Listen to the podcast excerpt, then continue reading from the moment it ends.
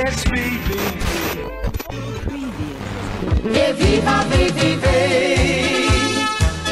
Ik wist de club op en de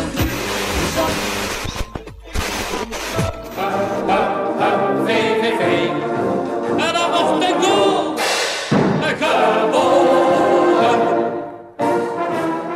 Zelden zijn fans zo optimistisch een stadion uitgelopen na een 0-4 nederlaag.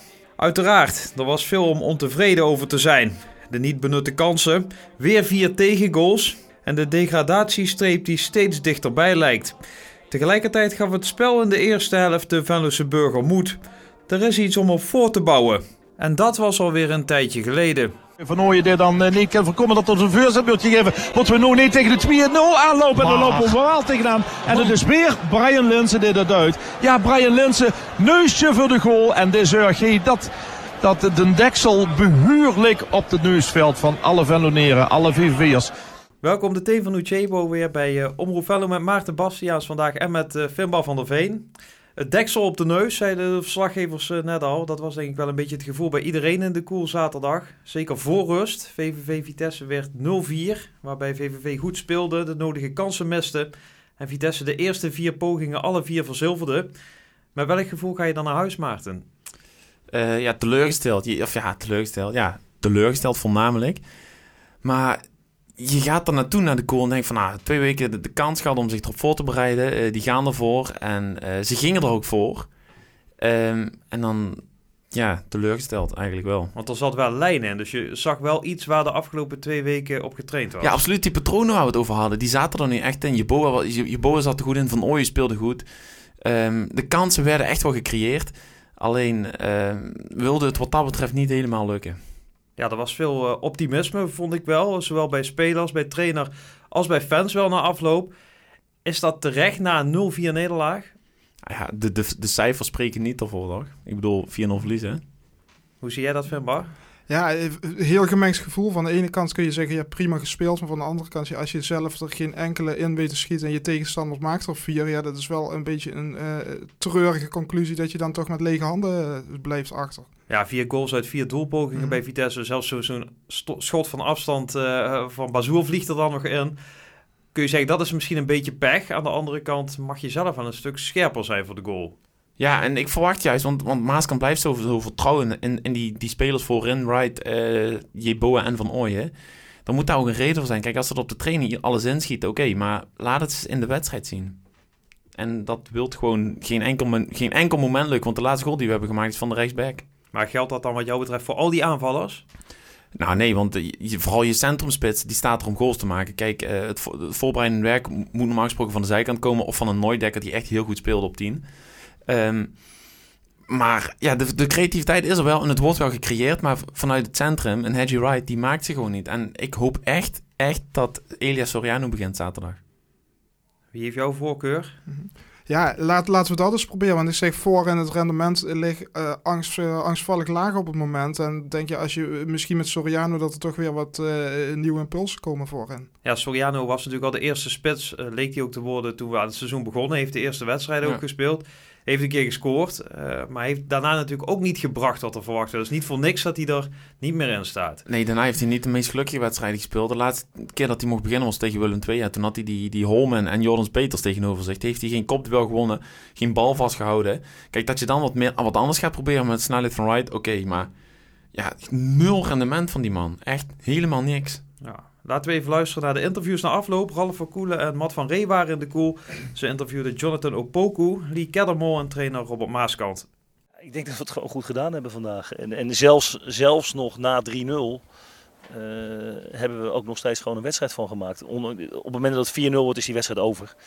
Maar zijn we in ieder geval hard blijven werken uh, voor elkaar. Ik denk dat dat uh, veruit de beste eerste helft is die we dit seizoen hebben gespeeld. Dus de conclusie... Ja, je staat wel uh, de eerste helft met 3-0 achter al. Uh, ja, ging zo snel opeens, dat uh, hou je bijna niet meer bij. In a two weeks break, we've worked very hard on patterns of play, and I think you've seen a lot of that in the first half. So we're leaving the stadium tonight very disappointed because a good team in Vitesse, um, very high up the league. I think we looked the superior team first half, but if you concede the first goal, it takes the wind out of you. Ja, wij hebben denk ik de grotere kansen gehad de eerste helft. Maar hun eh, scoren drie keer. Dus ja, dat is eh, balen. Maar eh, ja, we moeten door op die eerste 30 minuten, hoe raar het ook klinkt. Maar ja, dat is eigenlijk wel waar we aan vast moeten houden. Ik moet zeggen dat ik enorm veel waardering had voor, eh, voor hier achter de goal van de supporters. waar het merendeel de ploeg gesteund heeft. Ook na afloop. En dat, dat waardeer ik enorm. Want de jongens hebben zo'n tik op hun bek gehad vandaag. Dus dat, eh, dat, dat helpt dan wel naar die wedstrijd van Fortuna. Om, eh, om er volgende week te staan. Een compliment voor de fans van eh, Robert Maaskant. Nou, misschien ook wel logisch, want er was natuurlijk een supportersavond eh, waar hij eh, heen moest. Dus hij moest er weer onder ogen komen. Maar de fans bleven er inderdaad ook wel achter staan na de 0-3 en eh, 0-4 van Vitesse. Dus die herkenden toch iets in de wedstrijd wat, wat ze aansprak. Ja, de sfeer zat er goed in. En waar we het na PSV, na ADO, na Heerenveen over hadden... dat zagen we zaterdag. Kijk, je, zag veel meer drang naar voren, veel meer durf aan de bal. Ehm, ja, dat het dan nog niet wilt, wilt vlotten met middels meer doelpunten dan je tegenstander. Oké, dat kan gebeuren. Je bent VV, dat zegt Maaskant zelf ook altijd. We zijn in Barcelona. Maar komende zaterdag, en dan loop ik alvast wat op de zaken vooruit... heb je Fortuna. Fortuna zit in hetzelfde schu- schuitje als VV eigenlijk. Kijk, als je dan wint, dan ziet het er weer een heel ander stuk uit. Ja, er, zat, eh, er zat- er zaten patronen in, daar leek het in ieder geval op. Er zat beweging in. Dit was wat mij betreft wel een eerste helft waarvan je zegt van... dit is iets waar je op kunt voortborduren. Het beste van het seizoen. Denk ik tot nu toe. 10 wedstrijden gespeeld, 20 helften. Ik vond dit een van de betere. Betekent dat dan ook dat eh Maaskant wat jou betreft aan deze elf moet vasthouden? Of is toch die aanval eh, een punt waar, waar wijzigingen moeten plaatsvinden? Ja, ik denk voornamelijk de aanval. Kijk, je, je leest op socials al overal dat, eh dat Keersboom eruit moet. Nou, dat vind ik echt, dat vind ik echt je reinste onzin. Eh, die man heeft gewoon de erfenis van Oenerstal nog steeds boven zich hangen. En er zijn er die vinden dat, die, dat we een nieuwe Oenerstal hadden moeten halen. Ja. Ja. dat, dat lukt niet als VV zijnde. Maar de, de as staat gewoon heel goed. Alleen echt de voorhoede. Ja. Echt, die, die centrumspits, daar, daar moet je echt iets voor gaan vinden. Maar ik heb het gevoel, en dat is misschien opmerkelijk na een 0-4 nederlaag... dat dit wel eens de wedstrijd zou kunnen zijn... eh, ja, waarin Maaskant toch een soort sleutel voor zijn elftal heeft gevonden. Ja, heeft hij ook, denk ik. Daar ga ik vanuit. Ehm, want Maaskan was zelf toch wel redelijk positief. Hij weet eh, waar het niet aan lag. Nu was het puur het scoren. Kijk, als hij eerst twee goals maakt... gaat Vitesse echt niet meer, niet meer alles van, van, van 20 meter schieten... dat alles binnenvalt. Want dat geluk had Vitesse gewoon en dat had VV zaterdag niet. Ja, heeft dit ook gevolgen voor Evert Lindhorst? Want die stond er natuurlijk niet in. Die had een lichte blessure. Nou ja, verder liep dus eigenlijk goed op, in de verdediging op het middenveld. Ja, ik denk het wel. Hij, is, hij, hij was onomstreden in het begin. Ehm, en ja, heeft eigenlijk iedereen bij zijn prima pot laten zien. En Nooidekker stond eindelijk op de plek waar hij zelf heel graag wil spelen. Met twee controleur, controleurs achter zich. Ik, het zou zomaar kunnen dat als hij zaterdag wel fit is, dat hij gewoon op de bank begint. Tegelijkertijd denk ik dat je hebt goals nodig. En als er iemand dit jaar goals heeft gemaakt, is het natuurlijk Lindhorst wel. Ja. Het wordt een moeilijke keuze eh, voor Maaskant. Fimba, jij Mhm. kijkt natuurlijk ook die wedstrijden van Ja, VVV. absoluut. Eh, wat is jou opgevallen tot nu toe als je kijkt naar die, die, die eerste tien wedstrijden? Welke spelers springen er positief en negatief uit? Ja, het is, het is vooral nog steeds eigenlijk een lastige puzzel van nou, wat zijn nou de elf ideale eh, namen. Dat, daar zit de trainer volgens mij nog steeds een beetje mee. waarvan je zou kunnen concluderen dat de zaterdag misschien wel eens de eerste opstelling was. Waarvan je kan hebben van nou, dit kan hem zijn. Maar ja, voorin ben ik nog altijd niet heel tevreden over, over de spelers die daarin staan opgesteld. Ik weet niet of het er wel in zit, maar nog niet uitkomt. Maar ja, dat, dat is volgens mij eh, een beetje de Achilleshiel van het elftal. Ja, we gaan het straks natuurlijk hebben over de wedstrijd die eraan komt. Fortuna Sittard VVV komende zaterdag. Eerst gaan we even wat verder terug in de tijd. Want we laten iedere week iemand eh, een oud speler in de Hall of Fame zetten. Normaal neemt iemand dat keurig thuis op met zijn telefoon en eh, krijgen we dat dan hier te horen. Maar deze keer pakken we het iets anders aan. Een primeur. Een primeur. Ik heb het Kijk jou aan, gevraagd, Ik, ik eh, voel me Fimba. vereerd. Ja. En wij hadden natuurlijk stiekem al een idee wie het dan zou worden. Ja. Maar vertel het maar. Ja, ik kan en wil natuurlijk niemand anders erin gaan zetten dan Jan Klaas. Dus als iemand het moet doen, dan ben ik het, vind ik. Dus eh, ja, Jan Klaas is het geworden. Terecht, eh, daar Mhm. lijkt me geen Ja. enkele discussie over. Nou heb je daar de afgelopen jaren een eh, onderbouwing van 400 pagina's Mhm. eh, over geschreven Ja, waarom dat zou moeten. Nu in het kort. Ik, ik ga het iets korter houden, ja. Er zijn heel veel redenen waarom Jan Klaas absoluut thuis hoort in de Hall of Fame. Zoveel redenen dat je er zelfs een boek over kan schrijven. Ik zou kunnen vertellen dat Jan Klaas met VVV zowel de zilveren bal als de KNVB-beker won.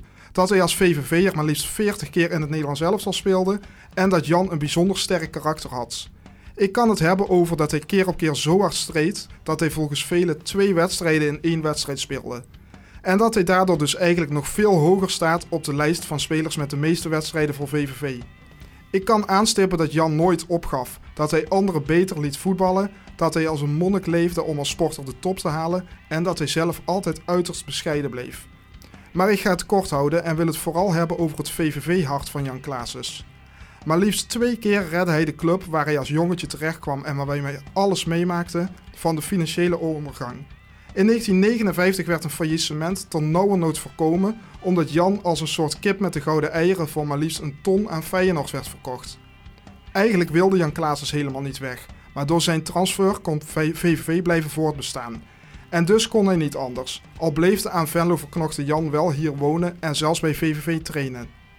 Vijf jaar later redde hij de club opnieuw.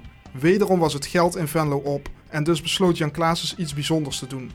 Hij speelde inmiddels vijf seizoenen voor Feyenoord, won nog twee landstitels en kwam heel ver in de Europa Cup. Maar in zijn hart was hij nog altijd VVV'er en dus ging de situatie bij de club hem aan het hart.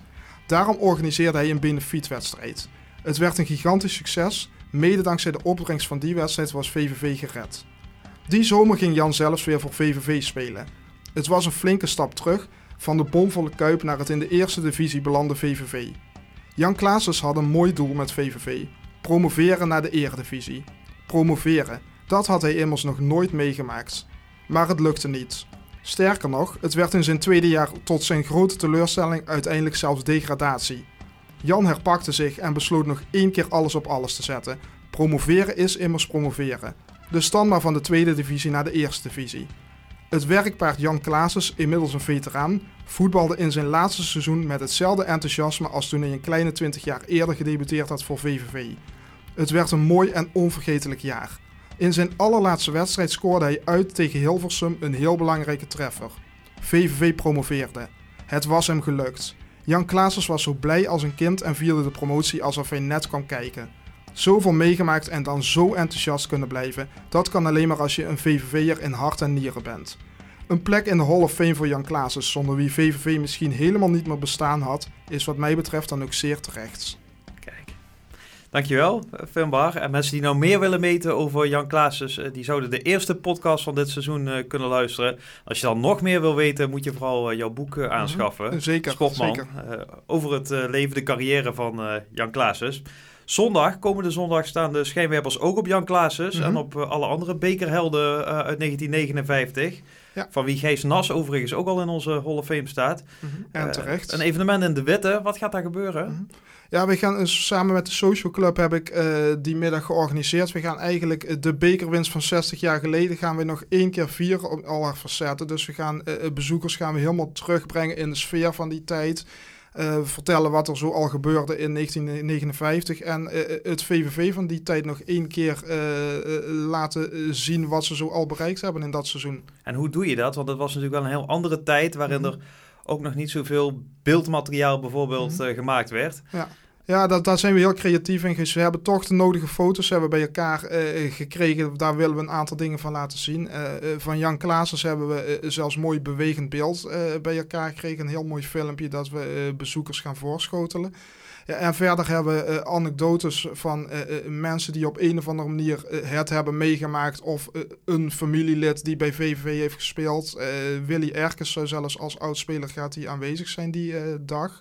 Ja, en dan zijn er nog een aantal verrassingen waarmee we mensen echt op speciale manier die bekerfinale nog een keer willen laten beleven dan. Ja, waarom is het belangrijk dat we daar 60 jaar later nog eens bij stilstaan? Ja, dat is natuurlijk een van de clubhoogtepunten. En, en ja, je, je ziet spelers bij beetje bij beetje vallen ze allemaal weg. Nou, dit is misschien nog de laatste gelegenheid dat er spelers in leven zijn die dat nog een keer uh, mee mogen maken. En ja, het blijft natuurlijk een heel bijzonder verhaal dat jij als uh, klein provincieclubje die prijs toen hebt weten binnen te slepen.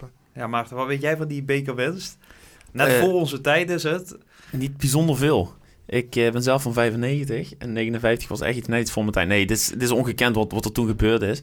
Ik denk dat het eh, tegenwoordig bijna onmogelijk is om onze club als VV een beker te winnen. Dus ik, ik snap zo'n zo'n viering, zeker 60 jaar later.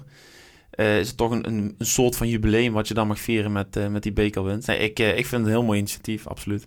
Ja, is dat zo? Is het onmogelijk tegenwoordig? Want er hebben de laatste jaren toch aardig wat Ja, ik, ik, ik, de ik ben het er niet, niet helemaal mee eens. Kijk, we- de geschiedenis leert dat is voor VVV best wel een lastig verhaal is. VVV Om te en de beker, in de eh, beker en de beker, dat is niet zo'n goede combinatie. Maar toch, er zijn wel eh, kleine clubjes. Een, een PEC Zwolle dat, dat een paar jaar daarvoor nog eigenlijk onder VVV in de eerste divisie ploeterde.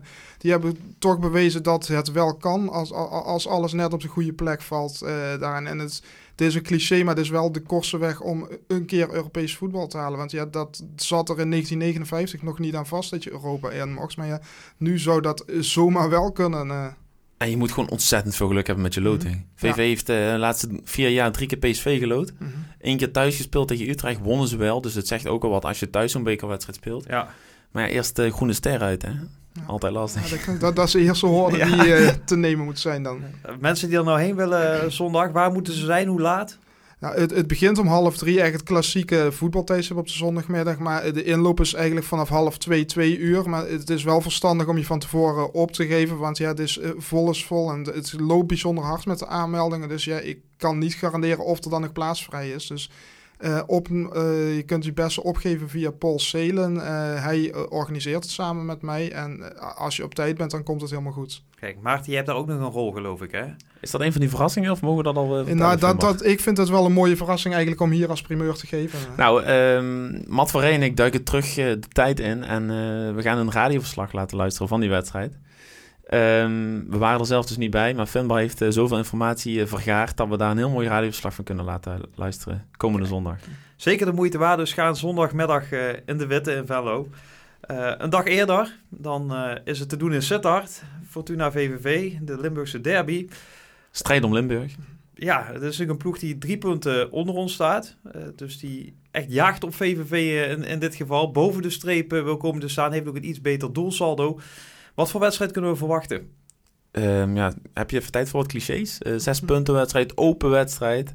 Twee ploegen die het vuur aan de schenen leggen. Ja, denk ik wel dat je dat krijgt. Ehm, VV heeft lang niet gewonnen. Dus je moet, je, VV moet gewoon. VV moet echt. En Fortuna zal zelf ook willen. Eh, normaal zeg je al volle bak in eigen, eigen huis. Zal een zit al meevallen.